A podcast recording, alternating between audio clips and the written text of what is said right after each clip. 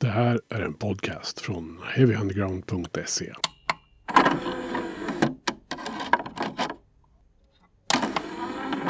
Du lyssnar på Heavy Undergrounds podcast och eh, i det här avsnittet som inte kanske är ett rent klassikeravsnitt så ska vi ändå prata om ett klassiskt band. Um, vi pratar om The Levelers naturligtvis. Och den här idén kom till mig eftersom jag på mina sociala medier ibland lägger ut bilder på skivor som betytt saker för mig genom åren.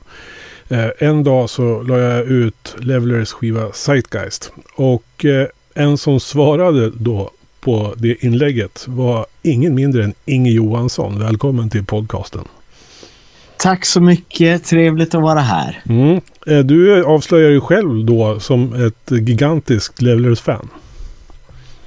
Oh ja, det är ju inte någonting som jag hymlar med eller håller tyst om. Men eh, jag har inte alltid jättemånga att snacka med om har jag upptäckt. Men jag är ett eh, stort fan av Levelers. Ja, och du har ju varit gäst tidigare här i podden och då pratat om eh, gatuplan bland annat och lite om ditt eh, liv i musiken generellt med The International Noise Conspiracy med mera, med mera. Så du är varmt välkommen tillbaka. Det är fint att vara tillbaka. Tack så mycket. Mm. Nu har vi ju skruvat tillbaka klockan då till eh, tidigt 90-tal. Eh, och du sa ju det innan vi satte igång här. Du hade liksom försökt komma i lite stämning där hemma. Jo, precis. Jag har... Eh, det är ett brittiskt band så jag har kokat lite te, svart te. Jag har slagit igång lite så här naggchampa-rökelser för eh, det får mig att tänka på eh, 90-talsfestivaler och då var ju Levelers alltid det stora dragplåstret på festivaler runt om i Europa och lite så här hippieliv och batik och trevligheter. Så att jag eh, tänkte jag skulle komma lite i stämning. Och så har jag lyssnat på Levelers hela dagen. Ja. Det ju, det har så, jag också gjort. Jag, så att. Ja, jag kan inte bli mer redo än så här. Nej. Vad bra. Eh, då tänker jag att vi börjar väl från början egentligen. Och jag tänker på dig och din historia med The Levelers. När liksom upptäckte du bandet? Jag vill börja med att jag tycker inte om att vara en sån som märker ord och så här. Men jag har eh, brottats lite med det här. Heter de The Levelers eller Levelers? De heter Levelers. Då säger vi Levelers. Ja, då, ja, bara så att vi pratar om rätt band. Uh, för, för, att jag gör det där misstaget ibland också och säger The Levelers. Men de heter ju Levelers. Mm. Det, de har, det är inget dö. Uh, även om det faller sig naturligt att säga det. Åh, vad tråkig början på det här. Uh, förlåt. Men de heter en, Levelers. En, en, ständig debatt om olika band. Så att vi är lika bra vi har den här också. Ja, men visst. Mm. Nej, men när jag upptäckte dem. Jag blev medveten om Levelers runt 1993. Men då var jag 16 år och jävligt punk. Och allting som jag gjorde eller spelade eller lyssnade på var någon sorts ställningstagande. Och någonting man skulle förhålla sig till. Det kan vara ganska svårt att föreställa sig det här nu, men runt 1993 och 1994 så är Levelers det coolaste bandet i Europa. De är extremt creddiga. De headlinar Glastonbury. De säljer hur mycket plattor som helst. Eh, och du vet, 1994 så släpper de Zeitgeist som går rakt in på Englandslistans första plats. Och det är CD-skivans guldår, liksom, eller guldålder. Så att det här är mycket skivor. Och deras namn stod liksom längst upp på alla festivalaffischer för festivaler som jag drömde om att få åka på så här, men aldrig hade råd till. Och det var ett band som de spelades på MTV. Även om jag inte kollade på MTV så, så flimrade de förbi. Så att eh, när man var så där punk och så arg och allting var ett ställningstagande. Då var det extremt svårt att förhålla sig till någonting som var så, så stort och så mycket allmängods just då. Så att runt 1993 blir jag medveten om deras existens. Eh, men det är nog först kanske 1994 när jag eh, då träffade en tjej och blev ihop med en tjej och hon hade både Leveling the Land och dera, den plattan och den självbetitlade plattan. Och vi lyssnade på dem tillsammans och då blev jag ett fan för då hörde jag att det var ju ett punkband. Mm. Men att de hade ju inte punkpublik. Liksom. Var, eller de hade punkpublik men de hade, en, de hade mycket mer publik än så. Det var ju mycket, vad ska man säga, dåtidens hipsters som lyssnade på levelers. Alltså i Skellefteå där jag bodde, där fanns det folk som gillade levelers. Och de var tre, fyra, fem år äldre än mig. Och de, de såg ut som 90-tals hipsters. Alltså att de hade långt hår eller page i mittbena. Och så hade de oknutna Dr. Martens och stora batiktröjor som det stod Neds Atomic Dustbin på. Mm. Och de, de gillar levelers. Och det var ju liksom inte mitt gäng. Jag hade ju inget gäng va, men vet. Det var en konflikt när jag upptäckte att jag tyckte att levelers var så jävla bra. Va? Ska jag gå in i den här batikvärlden eller ska jag stanna här utanför? Mm. Uh, så började min relation till levelers. Och jag, men när jag väl omfamnade dem runt 94 så älskar dem förbehållslöst fram till ungefär 1997 då jag flyttade till Umeå och fick en helt ny bekantskapskrets och jag blev varse illa kvitt att Levelers var det skämmigaste som fanns. Så att jag fick då mörka att jag gillar dem i några år till att jag hade etablerat mig så pass mycket som musiker och hade fått så pass mycket status att jag kunde skita i vad folk tyckte. Så där kanske runt 2005, 2006 så plockade jag upp dem igen mm. och sen dess har jag älskat dem. Mm. Vad var det som gjorde att man inte kunde gilla Levelers i, i Umeå 97? Eh, det var någon som sa att ja, men det, var, det var just det här med att jag, jag, jag fattade aldrig det där men det hade någonting att göra med eh, säkert med drogkulturen runt eh, du vet, vissa av deras fans kanske med eh, med att de hade dreads eller jag, jag har ingen aning. Jag, men det var verkligen så här, det var ett no-no. Man fick inte lyssna på levelers och jag tror att det ansågs lite så här äh, nationalistiskt att hålla på med folkmusik i vissa vänsterkretsar och så här. Vilket var jättekonstigt för att hela den här 70-talsproggvågen och så här, de, de älskade ju folkmusik. De, de omfamnade ju det och, och gick verkligen i, i bräschen för det med sådana band som Kebnekaise och sådär. Och plus att för mig så var det ju naturligt att blanda punk och folkmusik. Man fick ju ihop det sen. Alltså, det största folkpunkbandet vi har haft i Sverige det är ju Strebers. Mm. Och de är hur stora som helst liksom. Men ja, de var väl säkert också skämmiga då. Men jag vet inte. Det är också, det är också lite så här att den musiken som man tycker om när man är typ 14-15 år, den tycker man inte är så het när man är typ 22. Alltså när man eh, kom ut tonåren och kom in i den här unga vuxna fasen och man omdefinierar sig själv lite grann och vem är jag och vilka vill jag synas med och mm. så vidare. Och då är kanske inte det man lyssnar på som tonåring det coolaste för att det händer så mycket med en som person under de åren. Men nej, och jag tror fortfarande att man inte får prata om levelers i Umeå än idag. Men ändå, jag menar, Levelers hämtar ju sitt namn från en politisk rörelse på 1600-talet som krävde social ekonomisk jämställdhet och allt möjligt. Ja, men äh, har man dreads och äter linser då, då, då har man förbrukat sitt äh, förtroendekapital i Umeå. Jaha. Nej, jag vet inte. Jag har ingen aning. Men, äh, men så var det i alla fall. att det, det, jag kommer ihåg till och med att det var någon av mina kompisar hemma hos mig när jag bodde i Umeå och kollade på min CD-samling och, titt och jag hade jättemycket Levelers-plattor för de släppte mycket CD-singlar och så här. Mm. Och han bara pekade på dem och tittade på mig och sa förklara. Alltså så hatade var de bland, eh, bland mina kompisar. Uh, så, ja, så var det för mig. Hur var det för dig? Alltså, de kretsarna jag rörde mig med det var ju trallpunkarna här nere i Köpingstrakten i, runt Mälaren. Liksom. Och här var ju Levelers inte alls eh, illa omtyckta på något sätt. Det var ju tvärtom snarare.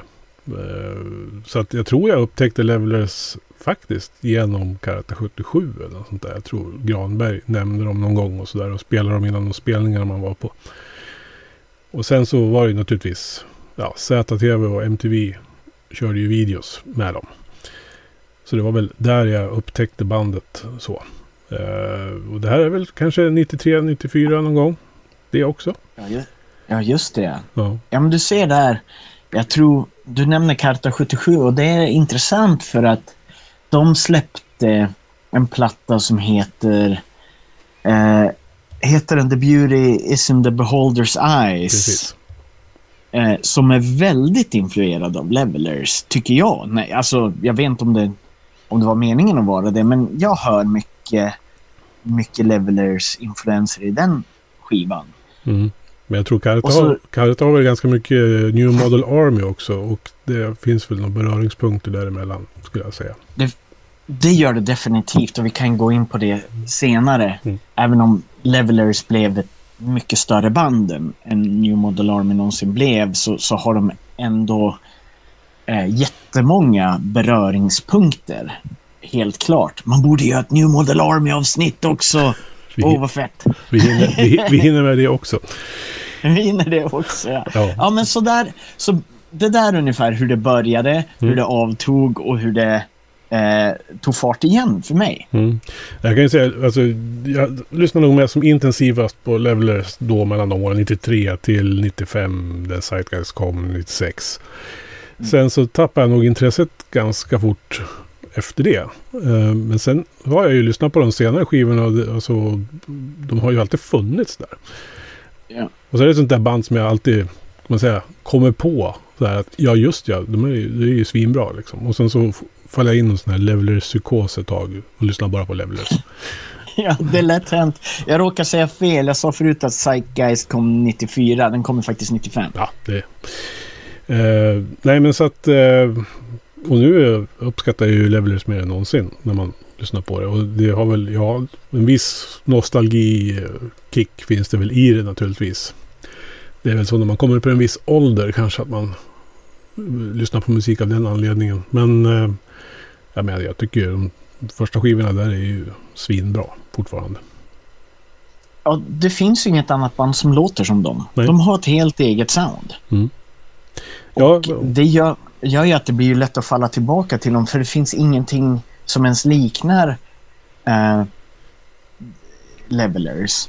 Det finns ju de som uh, de som inte gillar levelers, de brukar jämföra levelers med band som kanske Flogging Molly och så här. Men jag hör väldigt lite likheter. Mm.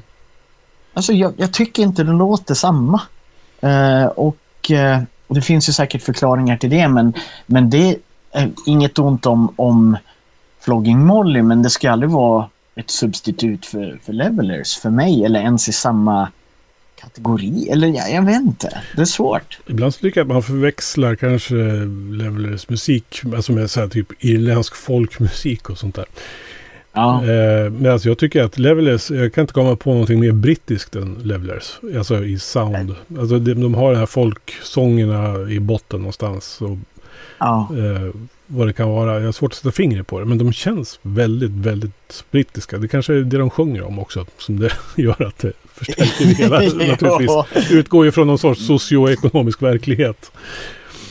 Ja, och då har man mycket jävligheter att gräva upp om man är britt alltså. Ja. De har inte haft det lätt de människorna, helt klart.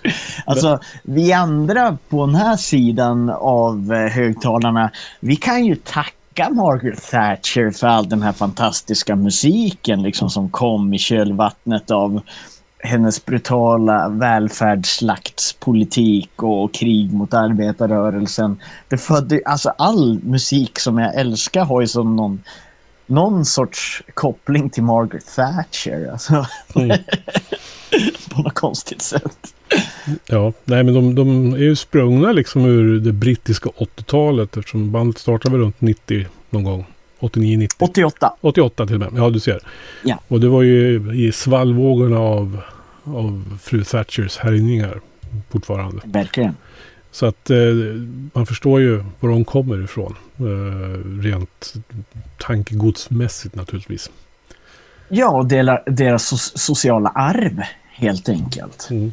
Och, och eh, vad de eh, gick igenom när de växte upp och så. Allting återspeglas. De är ju så bra på att berätta historier i sina låtar. Mm. Och mycket av deras låtar är väldigt både textmässigt och musikaliskt är det väldigt målande. Att man, kan, man kan se någonting framför sig när man hör dem. Mm.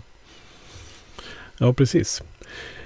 Um, ja, det, det, är ju några liksom, tongivande medlemmar i det här bandet. Uh, kan man väl säga. Uh, ja. I botten någonstans finns väl Mark Chadwick som sjunger och spelar gitarr och munspel. Och sen har du Jeremy mm. Jess Cunningham på bas. Det är väl de två som startade bandet va? Precis. Och uh, det har ju varit samma medlemmar nästan oavbrutet fram till idag. Det har varit två. Uh, en som hoppade av och en som blev ersatt och så tog de in en kille på, på Club 2003. Men från 88 från 90 har det ungefär sett likadant ut. Som du säger, det, de startade 1988 i Brighton det var basisten och bandets visuella visionär Jeremy Cunningham som du nämnde. Mm. Som också är den som designar alla de här fantastiska omslagen. För mm. deras skivor ser ju så mäktiga ut. Och han träffade sångaren och gitarristen Mark Chadwick på en pub som heter Eagle Pub. Och det är så... Ja men det är klart att Levelers startade på en pub. Det känns ju helt naturligt. Och eh, då hade Jeremy varit i Marocko i några månader. Alltså han, det, det, det, det är någon så här 90-tals hippie-vibb på där. Han just kom hem från Marocko i några månader, hade inga pengar. Han försökte sälja en gitarr eh, till Mark Chadwick och stöta på hans flickvän. Eh, det var så de träffades. Det var Bra en ganska start. konstig start. ja, precis. Eh, men eh, det blev ingen affär. Det blev ingen affär på, på ingen av de affärerna gick i hamn, mm. så att säga. Och Mark var ju lite snyggare också, så att det, det fattar man ju. Eh, men de började prata om musik och de började prata om liksom bilda band och sådär. Och, och, och, Jeremy han hade haft ett band med, med trummisen i Levelers, Charlie. De hade spelat ihop innan. Och Mark var lite så här lite less. Alltså de här, de är kanske 20 år gamla. De är ju inte... Eh, alltså livet har bara börjat men de är, fort, de är redan lite så här trött på musikindustrin och, och musikbranschen lite så här som, som Sex Pistols var ungefär. Mm. Och, och de pratar med varandra om att ska vi bilda, ska vi satsa på musiken, då ska vi bilda ett band som ska förändra världen. Det är liksom, de säger det till varandra, de har liksom den utgångspunkten. Och eh, de finner varandra i det där. Och eh, de två är ju de, vad ska man säga, eh, grundande medlemmarna. Charlie eh, Werner, han heter nu igen... Charlie Heather. Han he Charlie Heather heter han, trummisen. Eh, kom med också tidigt. Och så var det en, en annan gitarrist som bara var med där i början, men det kanske inte är så. Ah. Uh, och de börjar prata om, du vet, då, de ska bilda ett band. Vad, vad ska det vara för band? Hur ska det låta? Vad, vad är det vi ska göra? Deras främsta musikaliska influens är The Clash och jag tycker det hörs i deras musik. Mm -hmm. uh, men okej, okay, musiken kan vi ta från, från The Clash. Men de var också väldigt influerade av band som Crass och eh, speciellt Chumbawamba. För att, det, för att de banden hade väldigt mycket att säga och att med band som Crash och Chumbawamba så var integriteten och det man stod för minst lika viktigt som musiken. Alltså vilka principer man levde efter och hur man liksom förhöll sig till världen som politisk person. Det avspeglades i musiken. Eh, det tog de från Crash och Chumbawamba. Men vi måste tänka att det här är 1988. Och den första punken är stendöd 1988. Det, den är verkligen... Alla gamla band har lagt av, hardcore-vågen har dött ut, den här 90-talspunken har inte kommit. Jag har faktiskt gjort lite research här. Mm. Och jag frågade Monkey som sjunger i The Addicts. Bara, hur var läget för punken 1988? Jag har faktiskt frågat honom innan det här avsnittet. Jag var tvungen. Och han bara sa, nej, vi tog ett par år eh, utan att spela då. För vi hade ingen publik. Det fanns ingen som bokade punkband.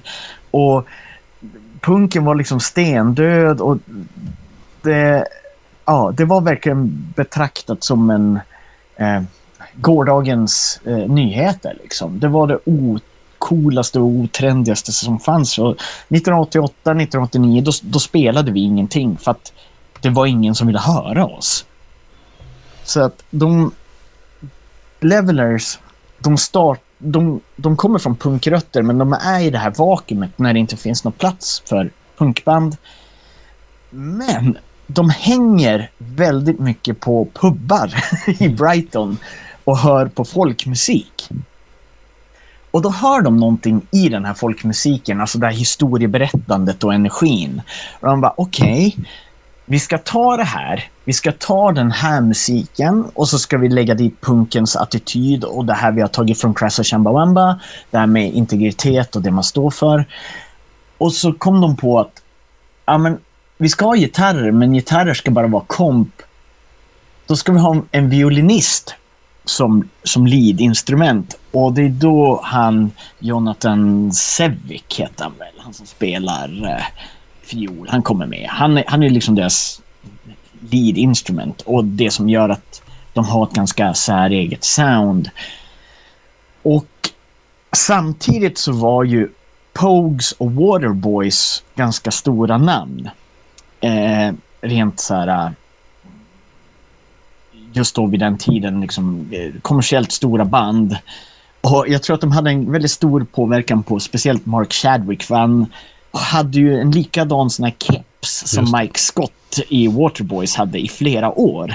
Så att jag, jag, jag ser det där kopplingen där med, eh, med en gång. Så där, där har ju deras, både deras musikaliska influenser eh, och deras influenser vad gäller vad de ville säga och vilken attityd de skulle ha i musiken och de eh, tongivande medlemmarna som fortfarande eh, ja, det är ju samma medlemmar egentligen. Mm. Simon Friend kommer ju med ett par år senare men vi kan, vi kan ta det ta det då helt enkelt. Men mm. eh, ja, det var så det började. Det var så Leveler startade på Eagle Pub i uh, Brighton 1988. Mm. Så, så började det och de är kvar än idag. Ja. Det här med att säga att de, det är liksom mer än musiken i det här. De har väl liksom haft sitt eget högkvarter, man ska säga, ganska länge. Alltså rent fysiskt hus där man har baxat in hela verksamheten. Ja, The Metway, ja. just det. Ja, de, har, de har hela replokal, de trycker plattorna där, Jeremy gör sin konst där och så vidare. Mm. Uh, det, ja, de, de köpte det huset i mitten av 90-talet när de drog in väldigt stora pengar. Mm. Så för att liksom ha, ha någonting som var deras här. Jag kom på en till grej vad gäller deras influenser som jag bara tänkte på nu, mm. som jag skulle vilja ha med. Mark Chadwick, som sjunger och spelar gitarr. Visst låter han väldigt mycket som John Lennon? Ja, det kan du ha en poäng med, faktiskt. Ja, jag, jag, har alltid hört väldigt mycket John Lennon. Alltså lyssna på en låt som Happy Birthday Revolution. Det låter ju som John Lennon och Plastic Ono Band, tycker jag. Mm. Eh, och så, så liksom, Levelers, det, Det är ett punkband som spelar folkmusik som är influerat musikaliskt främst av The Clash. Men med lite Chumbawamba, lite Waterboys, lite Crass och med John Lennon på sång. Ja. Där har man deras sound. Det var en ganska bra beskrivning tycker jag. Ja, ja jäklar, jag knäckte koden här och nu. Ja, ja och det känns, ju, precis. det känns ju som ett band som också liksom bygger på att faktiskt spela live och liksom sälja sin musik den vägen på något sätt. Mm. Alltså man, de har liksom, jobbade ju hårt fram liksom, och efter också för den delen, men fram till genombrottet på något sätt så var det ju liksom eh, hårt slit att åka runt och spela.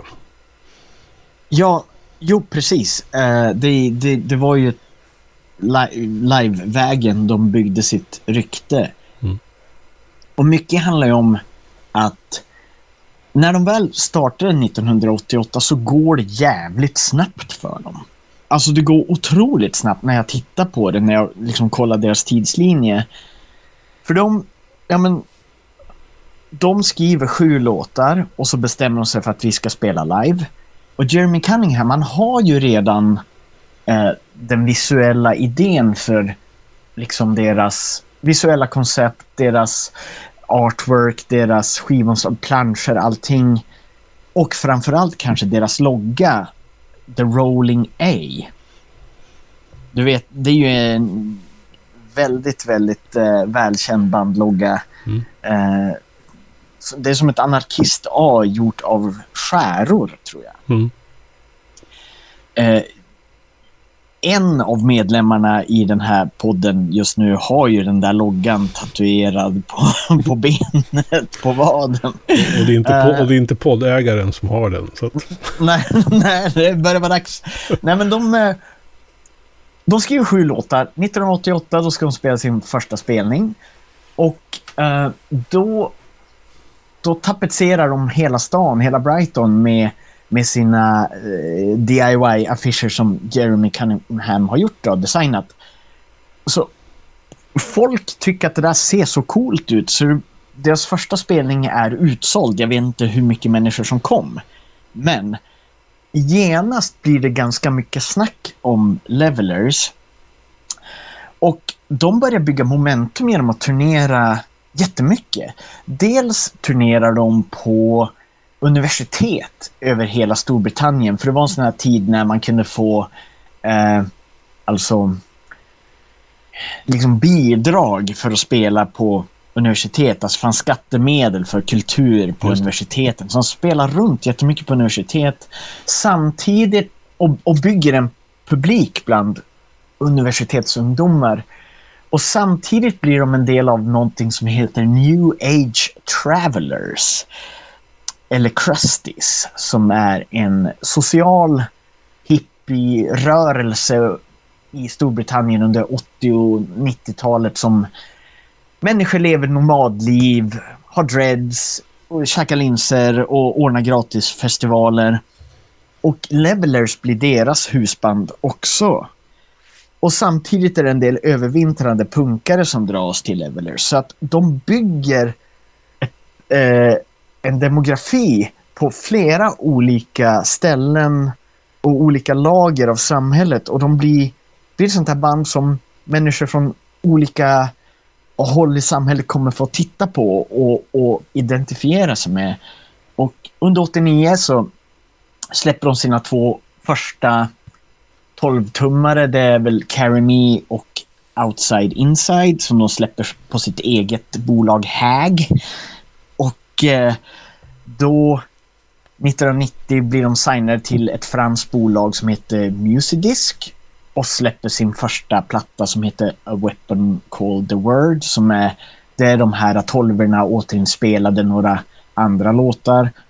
Och eh, den plattan kommer aldrig upp på listan, men den har sålt guld nu. Mm. Och det återknyter ju till det du sa om att de har sålt sin musik genom att spela live mycket och ständigt ha ett momentum och ständigt vara liksom i ropet på något sätt. Även om de kanske hade en, en kommersiell peak under några år så har de bara fortsatt hela tiden. Mm.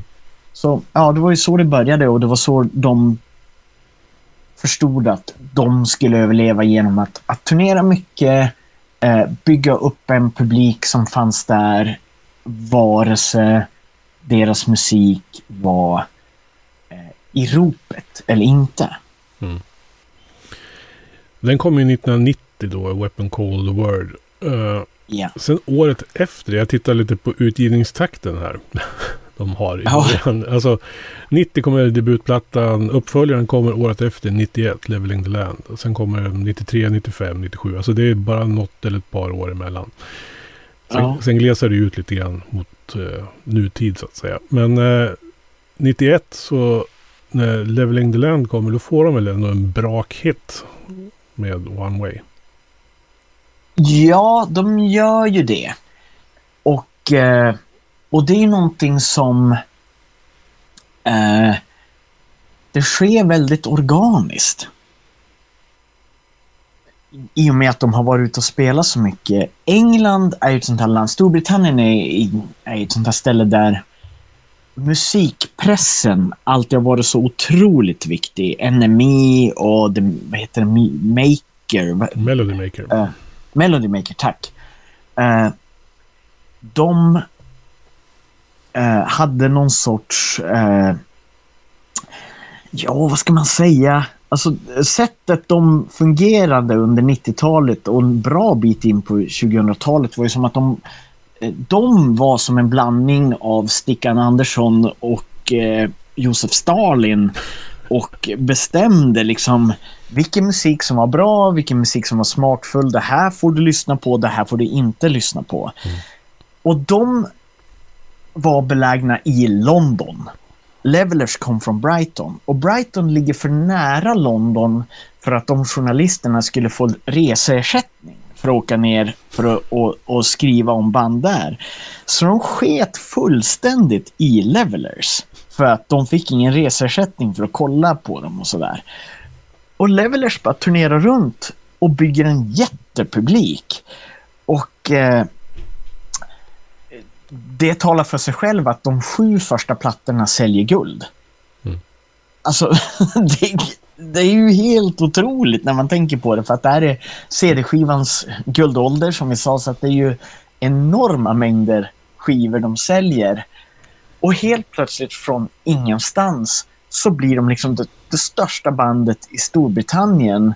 Eh, det blir som att indiescenen, alltså som jag sa, de, de, de, de uppstår i ett vakuum där 1988 då punken är död och brittpoppen har inte riktigt slagit igenom och den här acid house-scenen har inte eh, gift sig med, med gitarrpoppen än som du vet, så Stone Roses och mm. sådana band utan de, det, det, det, finns ett vakuum och de fyller det och det är så väldigt många människor från, från så många olika om man säger subkulturer som, som dras till Levelers. Och så får de den här jättehitten med One Way från den här skivan då Leveling the Land 1991.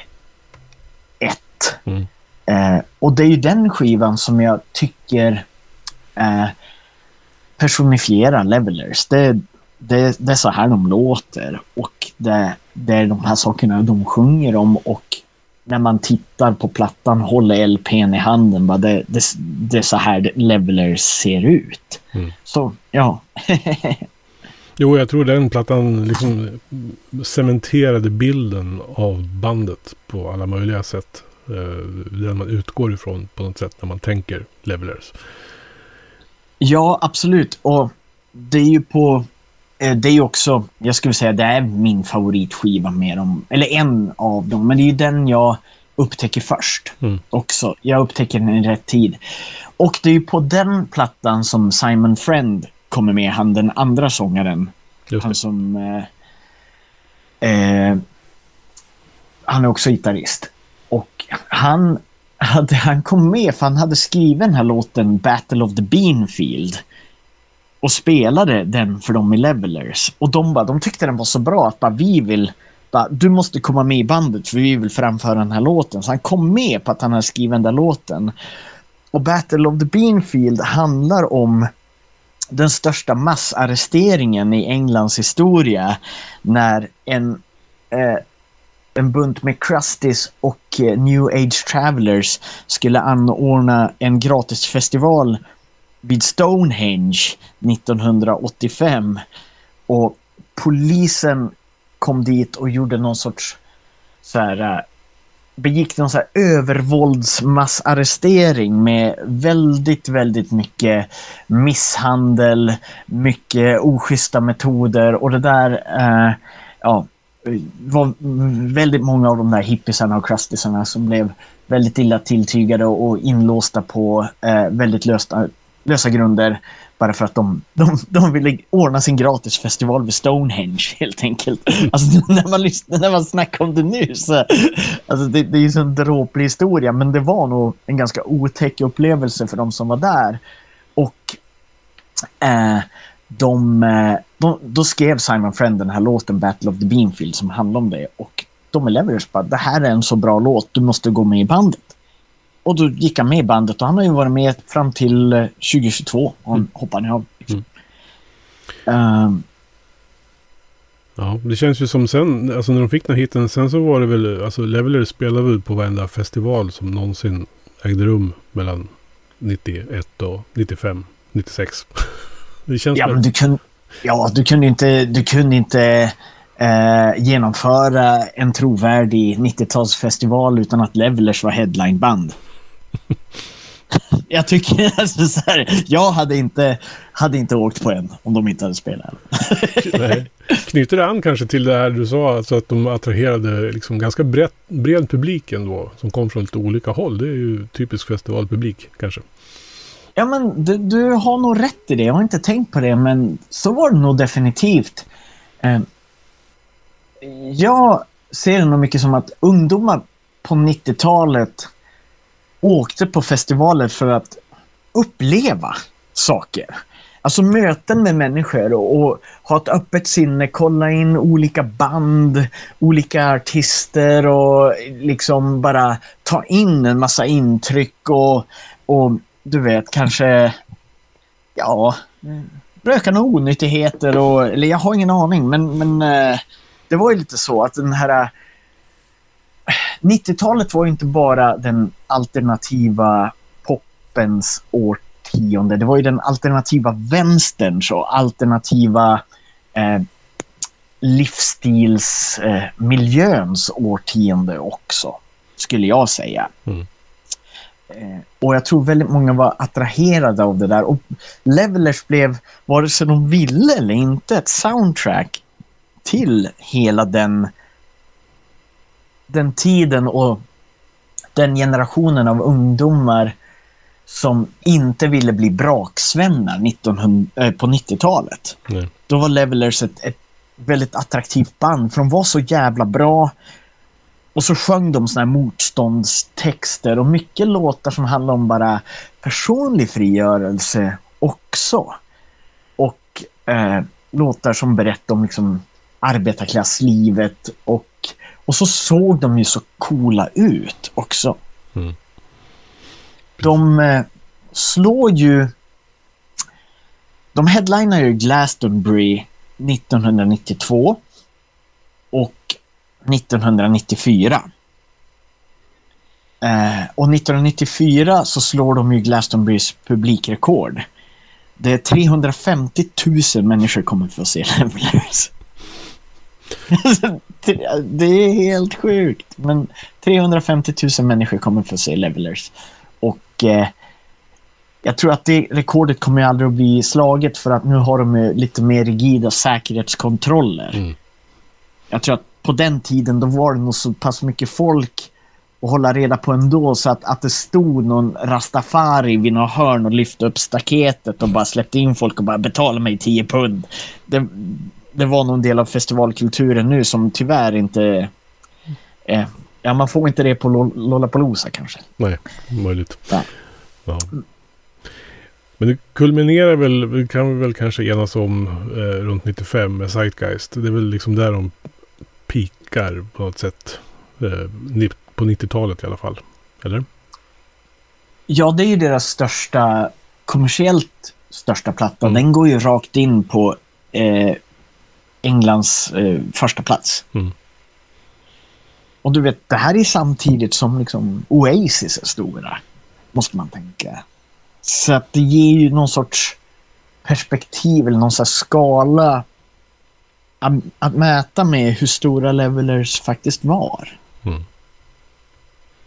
Ja, alltså det är ju den eh, det är ju den skiva som, som vad heter det, charted. det är så länge sedan man ens pratade om sådana termer. Vad heter det? Men hamna högst på topplistan ja, helt ja. enkelt. Den, den, den gick ju rakt in på första platsen. Sådär. Mm. Jag tycker att det är en fantastisk platta i, i sig. Så, de håller ju väldigt hög nivå hela första halvan av 90-talet. Men jag tycker den för min del eh, är nog den jag återkommer oftast till. Om man säger så.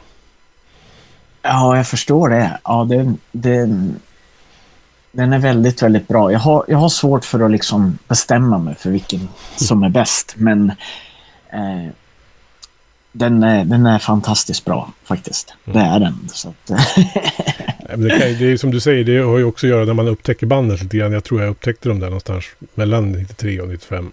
Eh, mm. Så när den kom då var det ju liksom den nya skivan med Leveler. Så då var det väl den man kramade mest av dem alla. Eh, och spelade mest på lägenhetsfesterna liksom. Sådär. Mm. Lägenhet, ja, lägenhetsfest och levelers. Det är så det ska vara. Ja, eller hur? Eller si sitta i någon park med någon bergsprängare och lyssna på levelers. Och, du vet, det, det är lite gött väder och ja, det, jag har sådana där... Jag tror att vi upptäckte dem i precis rätt tid också. Mm.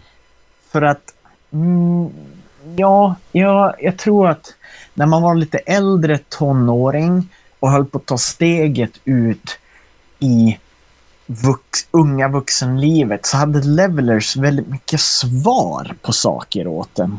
Och de beskrev världen eh, på ett sätt som man såg den på själv och deras musik blev en del av hur man ville leva som människa själv och de fångar den där känslan så himla bra av att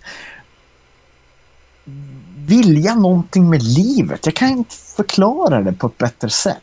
Nej. Men det är så mycket attityd i det och det är så mycket eh, känsla och skärpa i det. det folk avfärdar det kanske som, som någon sorts flumband men det är en sån skärpa i de där texterna och den där musiken och det är så målande. Och det är väldigt mycket längtan i musiken. Jag, det, finns, det finns några band som är sådär att när jag lyssnar på dem då kommer jag ihåg hur det var att vara så här, typ 19 år eller någonting och vilja liksom ut i livet och göra någon sorts jävla skillnad. Och Levelers är ett sånt band, The Jam är ett annat sånt band, eh, Chumbawamba också kanske och eh, ja, det, de, de fångar det där, den, den där urkraften som man kände när liksom allting, man hade samlat på sig sin kunskap och sina åsikter och sitt sätt att se världen och vad man ville göra. Men bladet var fortfarande ganska oskrivet mm. i ens eget liv. Där, den skärningspunkten, där hittar man levelers. Mm. Jag tyckte du beskriver det där ganska bra faktiskt. Jag kan hålla med. Alltså, Levelers var en del av den här, vad ska jag säga, när man blev vuxen, alltså precis strax innan. Och man formade liksom sin bild av världen och sådär. Och då var Levelers ett av soundtracken tillsammans med typ Bad Religion, Karate 77 och ja, vad det nu var mer eh, där. Ja, ja, absolut. Släng in de banden också i den där uh, mm ekvationen så absolut, jag, jag är med dig på tåget. Mm. Så, så satt man där på den lägenhetsfesten och var lite halvbitter på samhället. Så där. Och ja, verkligen. sökte sig till musiken som hade lösningen på alla ens problem. Ja, ja. verkligen. Så var det. Och de fick ju också ett sånt här band som, som peppar mig till att liksom spela och sådär. Även om jag aldrig har gjort någonting som har låtit så. Men, men ja, de var extremt viktiga för mig. Och jag lyssnar ju väldigt mycket på Levelers fortfarande. Det, det gör jag. Det är inte ett så här... Det är ju inte ett period... Eller ja, det kanske det är. Men jag, jag går och ser dem väldigt ofta fortfarande. Så fort jag får chansen. Mm, ja. Må jag nog säga. Ja, ja men eh, ja, det var... Ja. Mm. Jäklar.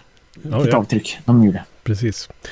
Eh, jag tänker alltså åren efter där sen. Alltså, eh, det är ju lätt att prata om de här första åren. När de är som störst och, och kanske bäst. Eh, ja. Men sen, de har ju släppt en hel radda plattor efter eh, Zeitgeist. Och sådär. Både 90-talet, ja. andra halvan av 90-talet och sen hela 2000 och fram till idag. Eh, hur skulle du säga att de har utvecklats efter det här de tongivande plattorna? Liksom? Vad har de tagit vägen som, som band? Ja, uh, vi kan ju börja med Zeitgeist då, som är den stora platta som kommer 95, som vi pratade om, som, som är som en fortsättning på Leveling the Land pratar vi om som, som den stora skivan. Alltså mm. den som än idag tycker jag eh, är det bästa de har gjort. Och de säger ju det själva också att det är, det är vår bästa platta. Och att trots att den kom då 91 så är det ju de låtarna som folk oftast vill höra på konserter. Den, den låtar från den plattan är den liksom, tar mycket plats i setlistet. Och de säger själva att, att once you accepted, alltså att det är den bästa plattan, så alltså, när de väl hade accepterat det så var de väldigt glada över att ha gjort den. Mm. Vilket jag tycker är ett ganska ödmjukt förhållningssätt. Mark Chadwick, han har, han har ju skämtat om det bara att ja, jag, jag var 23 när vi gjorde Leveling the Land och ja, någon i Beatles var ju 24 på Sgt. Pepper, så ja. så du vet, så här, det är ganska ro, alltså, så här, skön inställning de har. De kan ju se sig själva lite utifrån. Men 1993 släpper de en platta som, heter, som bara heter Levelers. Som är lite mörkare. Mm. Som är lite... Det är faktiskt inte en av mina favoritplattor och jag tror att det är för att sången är mixad så låg på den. Det ska inte låta sådär. Eh, och den är mörk. Den har typ Julie och 100 years of solitude. Alltså det är ju riktigt bra låtar. Och en del ganska flummiga grejer, typ Disgarden och eh, så har den ju... Vad är det mer för låtar? Ja, men den, den, är, den är mörk. Den är ganska mörk. Mm. Den, den lyssnar jag väldigt sällan på. Jag lyssnade på den igår inför det här och jag bara såhär, nej den här skivan biter inte riktigt tag i mig. Så kommer Zeitgeist 95 och är den stora plattan. Sen släpper den, de en platta som heter Mouth to Mouth 1997. Som går mig lite förbi då.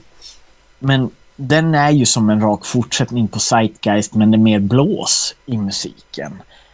Och på den har de ju eh, en av sina största låtar någonsin. Den är alltså Beautiful Day. Just det.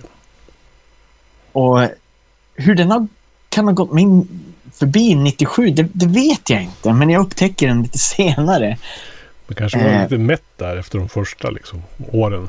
Ja, kan det vara så? Mm. Eh, ja, ja, eller ja, 97 då började jag liksom lyssna mycket på kanske garage rock revival. Eller jag har ingen aning, men, men just då kanske i livet, 97, då är jag 20. Då är ju den musiken från när man är 15 inte lika het längre. Men, jag tror att det har med det att göra. Hade du inte flyttat till Umeå då också? Ja, just det. Bra, du till, sa det. Till just det. Den förbjudna zonen för levelers. Ja, precis. Det var folkmusiken nationalistiskt mm. och eh, eh, reaktionärt. Så att eh, jag var tvungen att, att, rätta mig in i ledet för att bli accepterad i gruppen och det gjorde jag. Eh, så att, men den är ju jättebra den skivan. Sen år 2000 så släpper de en platta som heter Hello Pig. Som är av fansen rankad som deras sämsta skiva. Det är den som alla är överens om att den är inte så bra.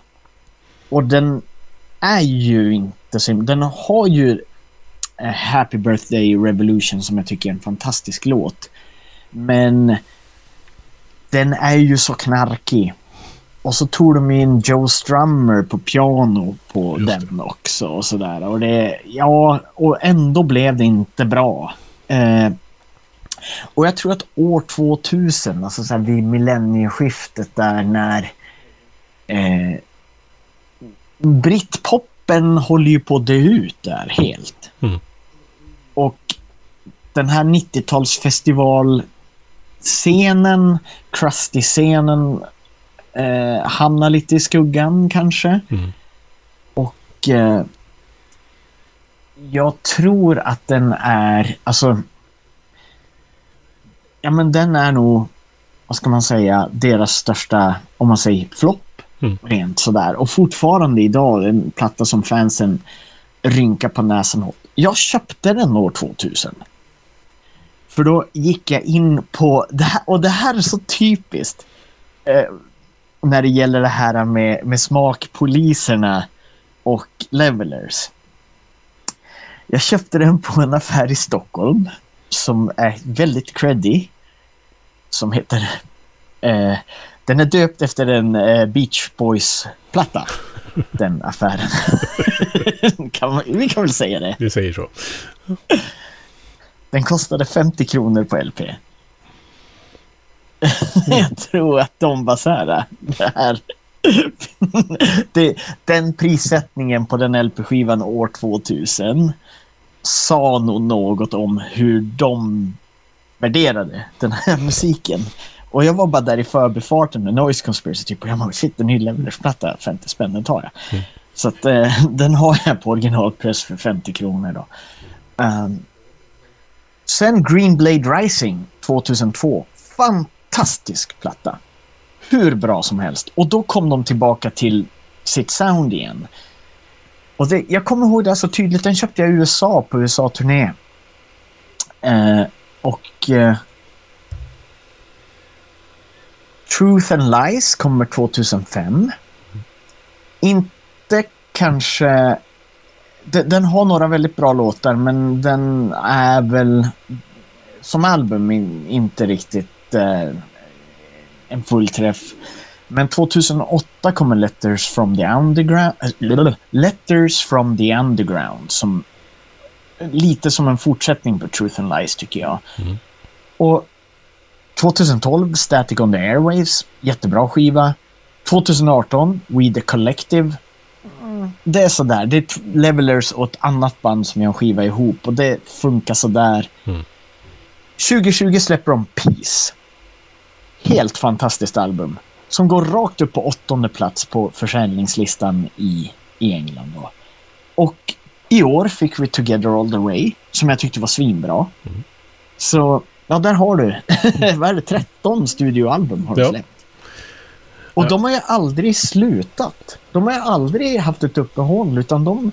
Det, det, det går lite längre mellan plattorna, men, men de har ju liksom haft det här snacket i bandet att det här är vi, det här är vad vi gör och det här ska vi göra tills vi dör. Mm.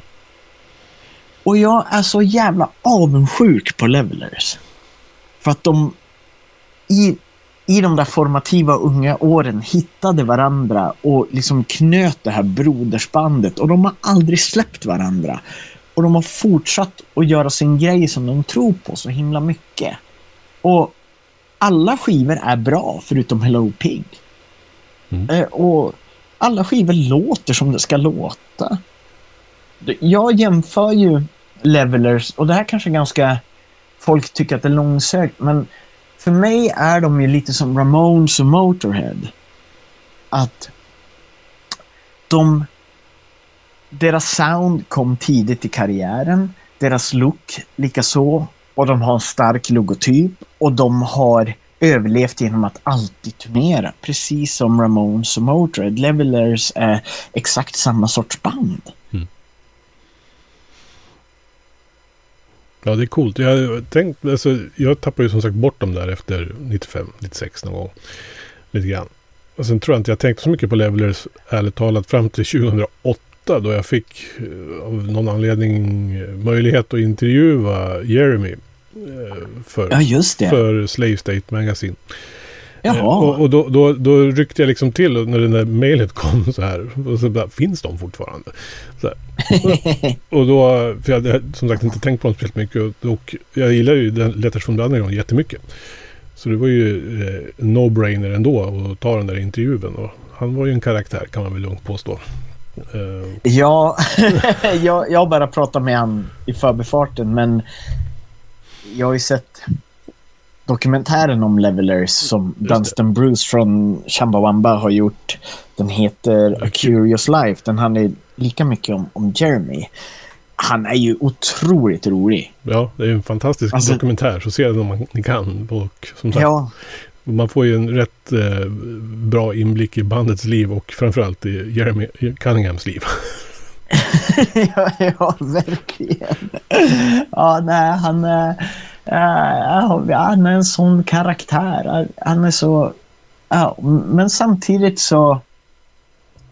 Uh, alltså det, det, är så märkligt för att han verkar vara... Han som ändå är bandets liksom konstnärlig visionär och kanske ja, men man förknippar Levelers ganska mycket med liksom, hans långa dreads och hans hopp på scenen och ja, men, lite så här looken. Och så han, han är en sån loose cannon på något sätt. Mm. Ja. ja, äh, ja hur, hur var det att intervjua honom då? Ja, det var jättelänge sedan nu, men äh, alltså, jag minns honom som, alltså, han är ju väldigt brittiskt artig och trevlig sådär. Eh, ja. Väldigt eh, chill person. Eh, inga, ja det är inte så konstigt, inga som helst divalater eller liksom. Man, man kände liksom att man fick kontakt med en riktig människa. Eh, ja, vad kul. Ja, och han berättade med glädje om allt möjligt. Så att, jag minns det som en trevlig, ett trevligt samtal vi hade. Sen, så ja, lät, han, sen lät han väl lite förlägen, alltså det, det har jag tänkt på ibland. Men han, kanske lät, han lät lite så här inte generad, men lite förlägen över att någon ville intervjua honom. Liksom, så här. Och, ja, ja, men det kanske har att göra med att de har varit så hatade i musikpressen i England. Ja, absolut. Alltså. Nej. Jag kommer ihåg en recension om det var i NME eller Melody Maker som jag läste om eh, när de släppte Leveling the Land återsläppte den med den här extra låten 15 years. Mm. Och då, då får jag recitera på engelska så, så gott jag kan bara. Så skrev recensenten Yes, 15 years each without the option on parole for releasing this kind of crap. ja. så det var 15 år i fängelse alla medlemmar i bandet. Och eh, typ... alltså, får man, får man såna, såna recensioner på en sån jävla fantastisk låt som 15 years. Då blir det så här, ja men hur ska man förhålla sig till recensenter från och med då? Liksom? Ja. ja det var väl så jag kan fatta att det spelar in. Det är lite som, jag tror det var Dia Salma som tryckte recensioner från Aftonbladet på någon turné-t-shirt någon gång. Eh, ja, det var ju en sågning naturligtvis. Eh, nej, var inte Karta? Ja, det kanske var Karta, ja du vet. Ja, det var Karta. Det, det flyter ihop. Men eh, det tycker jag också är rätt talande liksom att man aldrig är älskad av recensenter liksom. Men man har folket med sig. Ja, men verkligen. Ja, ja Levelers är ju praktexempel där. Mm. Och säkert Karta också då, men, men, men ändå. Det, det, alltså att bara... Det, det, det är ju inte ens en recension, bara 15 years each without the option of parole. Fast det där, det är ju mer, det är ju underhållning. Ja. ja. Har de haft någon inverkan på svensk musikscen på något sätt, tror du? Uh, I alla fall på den svenska... Om man tittar tillbaka på 90-talet så gjorde de ju stora spelningar på Hultsfredsfestivalen. Tills de spelade det här året då det varit skandalomskrivningar. För att efter en av deras spelningar, det var nog på Hultsfred, eller om det var Arvika, där Levelers hade festat med några tonårstjejer och enligt eh, rykten så hade då eh, det blivit något polistillslag där eh, det, eh, de hittade lite cannabis, lite marijuana som då de här eh, rockstjärnorna från popstjärnorna från England hade bjudit svenska tonårstjejer på, mm. på en joint. Och det slogs ju upp jättestort i media, mm. kommer jag ihåg. Eh, och länge gick det att köpa t-shirts från Levelers eh, webbshop i England med eh, eh, löp, eller ja, med artikeln. Bara, brittisk popgrupp bjöd svenska tonårsflickor på knark. Och så en bild på Levelers. Liksom så, här, så att det, mm. det, det är ju ett stort intryck de, de gjorde förvisso, i alla fall. Förvisso. eh, men vad gäller rent musikaliskt så, så tror jag det inte har kommit.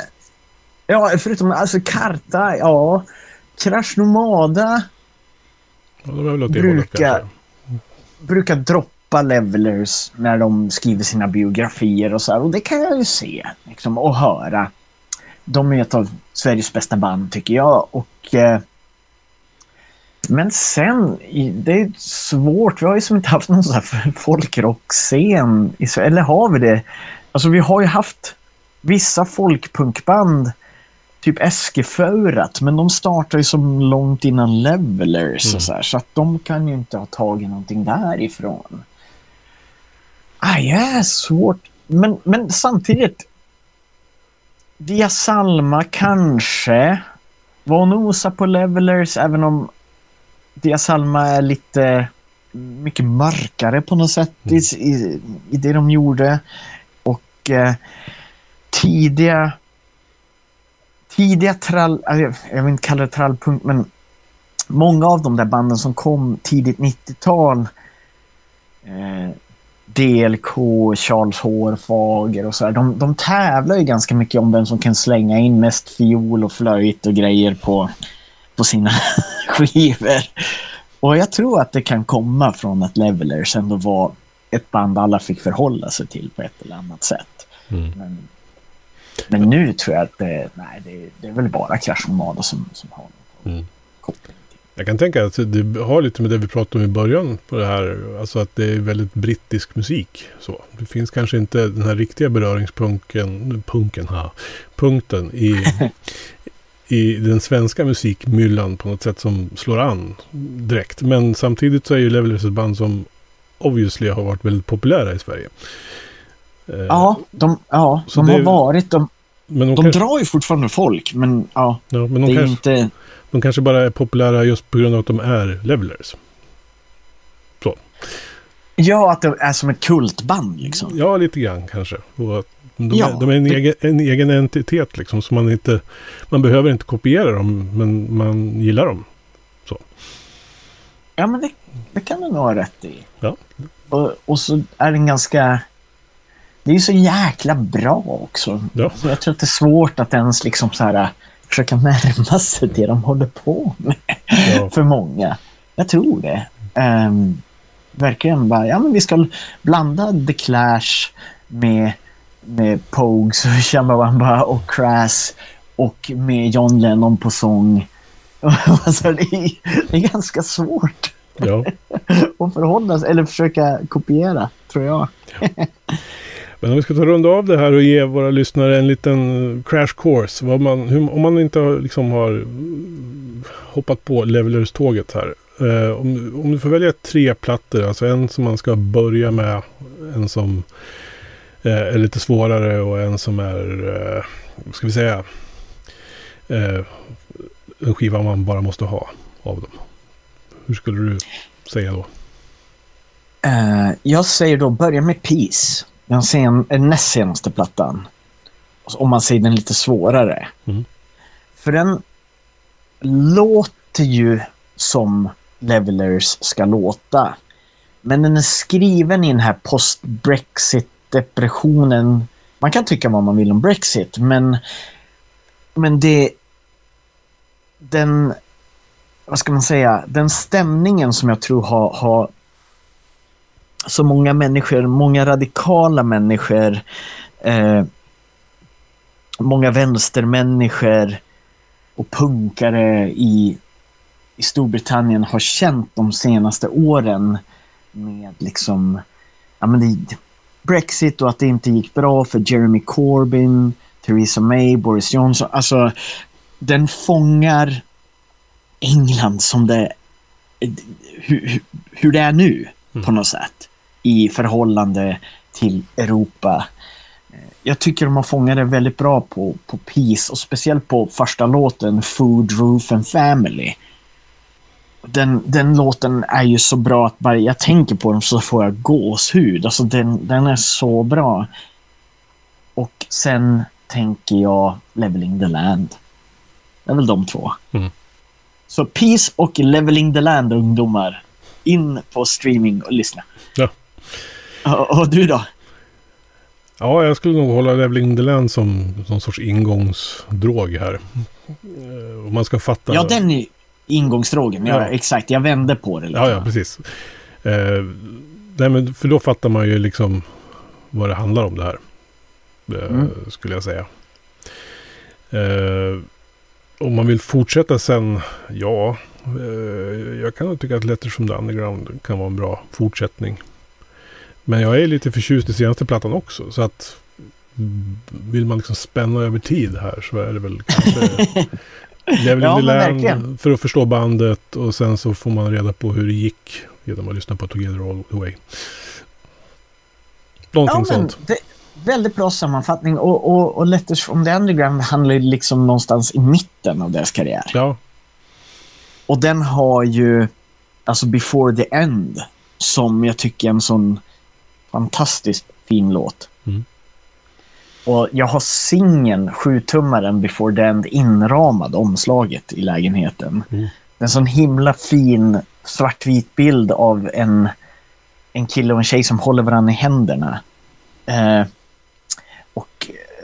den, alltså det, det är bara som fint svartvitt fotografi och väldigt så stilrent. Um, om vi har tid för det så har jag en ganska rolig personlig anekdot. Den kan vi avsluta med faktiskt. ja. Jag tillhör ju de som åker och ser dem ganska ofta. Jag har sett dem i Sverige, jag har sett dem i England, jag har sett dem i Norge, jag har sett dem i Tyskland. Uh, och det förhåller sig så här att år 2015 måste det här vara. Så... Eh, eller är det 2014? Eller ja. Jag är med, då spelade jag i ett amerikanskt band som heter Against Me. Jag var med där mellan 2013 och 2018 och vi, vi turnerade mycket. Och vi spelade i Birmingham en kväll på någon sån här O2 Academy, såna här stora spelställen, komplex de har där. Mm. Vi spelar i det lilla rummet, alltså som tar typ kanske så här 400-500 pers. I det stora rummet samma kväll så spelar Levelers. Och det är ju liksom det är 3000 eller något sånt där, alltså det är, det är ju stort. Vi har väl, ja men vi, vi hade lite momentum i England där så vi drog ju fullt hus, vi drog ju 500. Levelers drar fullt hus i, i alltså på andra sidan väggen. Sådär.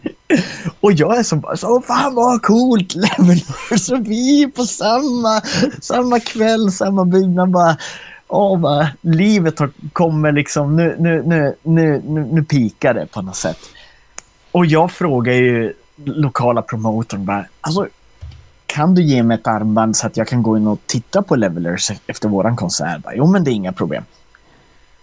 Och jag går in och ser dem och jag bara så här, åh det är så bra. Fullt hus och bara alla sjunger med och det, du vet, det är pyro och det är allt möjligt och det är sån jäkla stämning och energi i luften och, och jag står där och, och sjunger med i Riverflow och de här låtarna och det är så kul. Eh, och så sen så tänker jag, jag måste, måste få säga hej till Levelers. Okej. Okay. Så våra, båda turnébussarna står ju parkerade Alltså det är liksom en liksom avskild område dit eh, Svennebanan inte får komma in mm. helt enkelt. Utan det, det, är liksom på bakgården bakom något stängsel och sådär. Och, och jag förstår jag full respekt varför man vill hålla en massa fulla britter bakom staket. Alltså det... för mig är det en väldigt äh, logiskt tilltag. Men så står jag där och bara hänger utanför deras buss. Bara, undrar om de kommer snart, de kommer snart. Så kommer eh, eh, Jeremy. Jag bara, bara ah Jeremy! Så börjar bara fangirla och sådär. Och så kommer Simon och så står jag och pratar med dem och de bara, bara yeah we're this band against me, we're playing you know the small room tonight and you guys were in the big room and all that. Och, och så bara, all right, uh, so you're the American band? You're American? Jag bara, ja, alltså det, det är ett amerikanskt band but, but I'm, I'm Swedish. Och bara, yeah, we thought so because you know, uh, so, so, we recognize you. Och bara så här, va? Så här, va? Yeah, we've seen you at shows in Sweden. alltså, så här, och jag bara, du vet, och det här är ju då efter att eh, jag har typ visat min Rolling Aid-tatuering och allt det här. och gjort bort mig lite så här eh, superfangirl och gett dem lite Against Me CDs och sådär. Bara Bookcast, The Beautiful Days. Och, och jag bara så här, ja bara. Jag bara, jo, jag, jag brukar gå på era, era konserter i Sverige. Så jag bara, yeah, we recognize you. Och så började jag tänka så här, fan så coolt, bara, de, de, de är så nära sina fans liksom så här, att de, de känner igen dem deras ansikten så här, utan att ha pratat med dem. Levelers är så eh, liksom down with the kids och liksom så anknutna till den här uh, underjordiska rörelsen som, som de kom ur liksom. Så att de känner igen sina fans. Och sen börjar jag tänka så här bara. Uh, jag ser ut som jag gör. Mm. Alltså jag har den här frisyren som jag har när skinnpack och du vet. Mm. Jag ser ju, om man tittar på mig så ser man ju den här killen gillar Ramones, den här killen gillar Motorhead. Mm. Liksom. Jag är nog den enda som står längst fram på Levelers konserter som ser ut på det sättet i Sverige. Kommer jag att tänka på så här, bara, ja, men, ja men det är klart under alla de här åren som jag stått längst fram och sjungit med, de har nog känt igen mig till slut sådär. Men de kunde nog inte lägga ihop det när, det, när vi träffades där i England. No. Du skilde ut dig från, från alla batiker och dreadlocks. Ja, jag gjorde väl det. Ja. På något sätt ändå. Då, då, då, då, ja, jag tyckte det var så roligt att de bara yeah, we, we recognize you, we've seen you around. Liksom så här. Och de, ah, det var så coolt liksom. Uh, jag, jag tyckte det var så så häftigt. Det är mm. enda gången jag har pratat med dem faktiskt. Mm. Sådär. Och jag tyckte att det var extremt, eh, ja, det, var, det var stort. Och jag kommer ihåg att Jeremy, han var så impad över att jag på min mobiltelefon, när jag tog upp den för att vi skulle ta en selfie så här, så som så här bakgrund på min mobiltelefon så hade jag Crash-loggan. Och han bara, oh, you're into crash. Och, och, blev så, så här jättepeppad över att jag hade den där och bara kände som någon sorts anknytning och började prata. Och, ja, det var så coolt. Jag, jag blir så glad när jag tänker på det. Så det är min, och det är det närmaste jag kommer dem som eh, eh sådär personligen. Mm. Ja, det är ju inte, inte en intervju som du har gjort men, men ett litet sånt där fangirl ögonblick fick jag ändå. Du, det var en fantastisk historia. Bra avslutning på den här timmen, dryga timmen om, om Levelers. Inge Johansson, det har varit jättekul att prata om ditt favoritband. Uh, tack detsamma Magnus, det har varit helt fantastiskt kul att prata om ditt favoritband. Du har lyssnat på en podcast från heavyunderground.se. Jag som säger det heter Magnus Tannegren och är den som producerar och intervjuar i den här podcasten. Vill du veta mer om det här avsnittet eller om podcasten i allmänhet? Besök heavyunderground.se eller leta upp oss på de sociala kanalerna på Facebook och Instagram. Tack för att just du har lyssnat. Hey, I met you. You are not cool. I know. Even when I thought I was, I knew I wasn't. Because we are uncool. I'm glad you were home. I'm always home. I'm uncool. Me too. You're doing great. You know, the only true currency in this bankrupt world is what you share with someone else when you're